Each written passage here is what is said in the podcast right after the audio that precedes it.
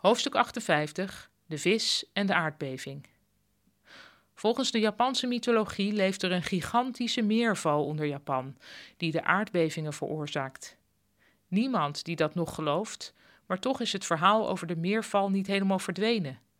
Omdat er regelmatig aardbevingen in Japan zijn, zit het land vol met vluchtroutes. Waar moet je heen als er een aardbeving of een tsunami is?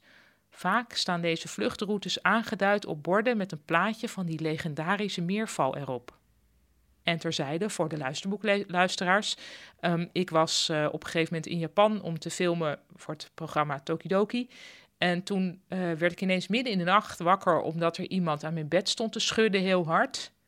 En mijn telefoon die riep in het Japans, Jishin, Jishin, waaruit ik dus concludeerde, oh jee, er staat helemaal niet iemand aan mijn bed te schudden dit is een aardbeving. En ik zat dus blijkbaar automatisch in een soort systeem dat mijn, uh, dat mijn telefoon ging roepen dat er een aardbeving was. Wat heb ik toen gedaan? Uh, ja, eenmaal, ik, was op de zesde verdieping van een hotel of zo, dus ik wist helemaal niet wat ik moest.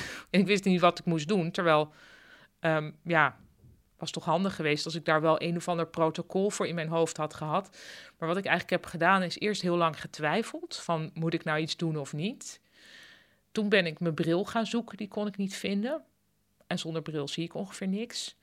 En toen ik die eenmaal gevonden had, was de aardbeving waarschijnlijk voorbij. Maar misschien ook niet. En toen ben ik soort van vertwijfeld, maar weer gaan slapen. Ik denk dus dat er mensen zijn die beter zijn met dat soort situaties.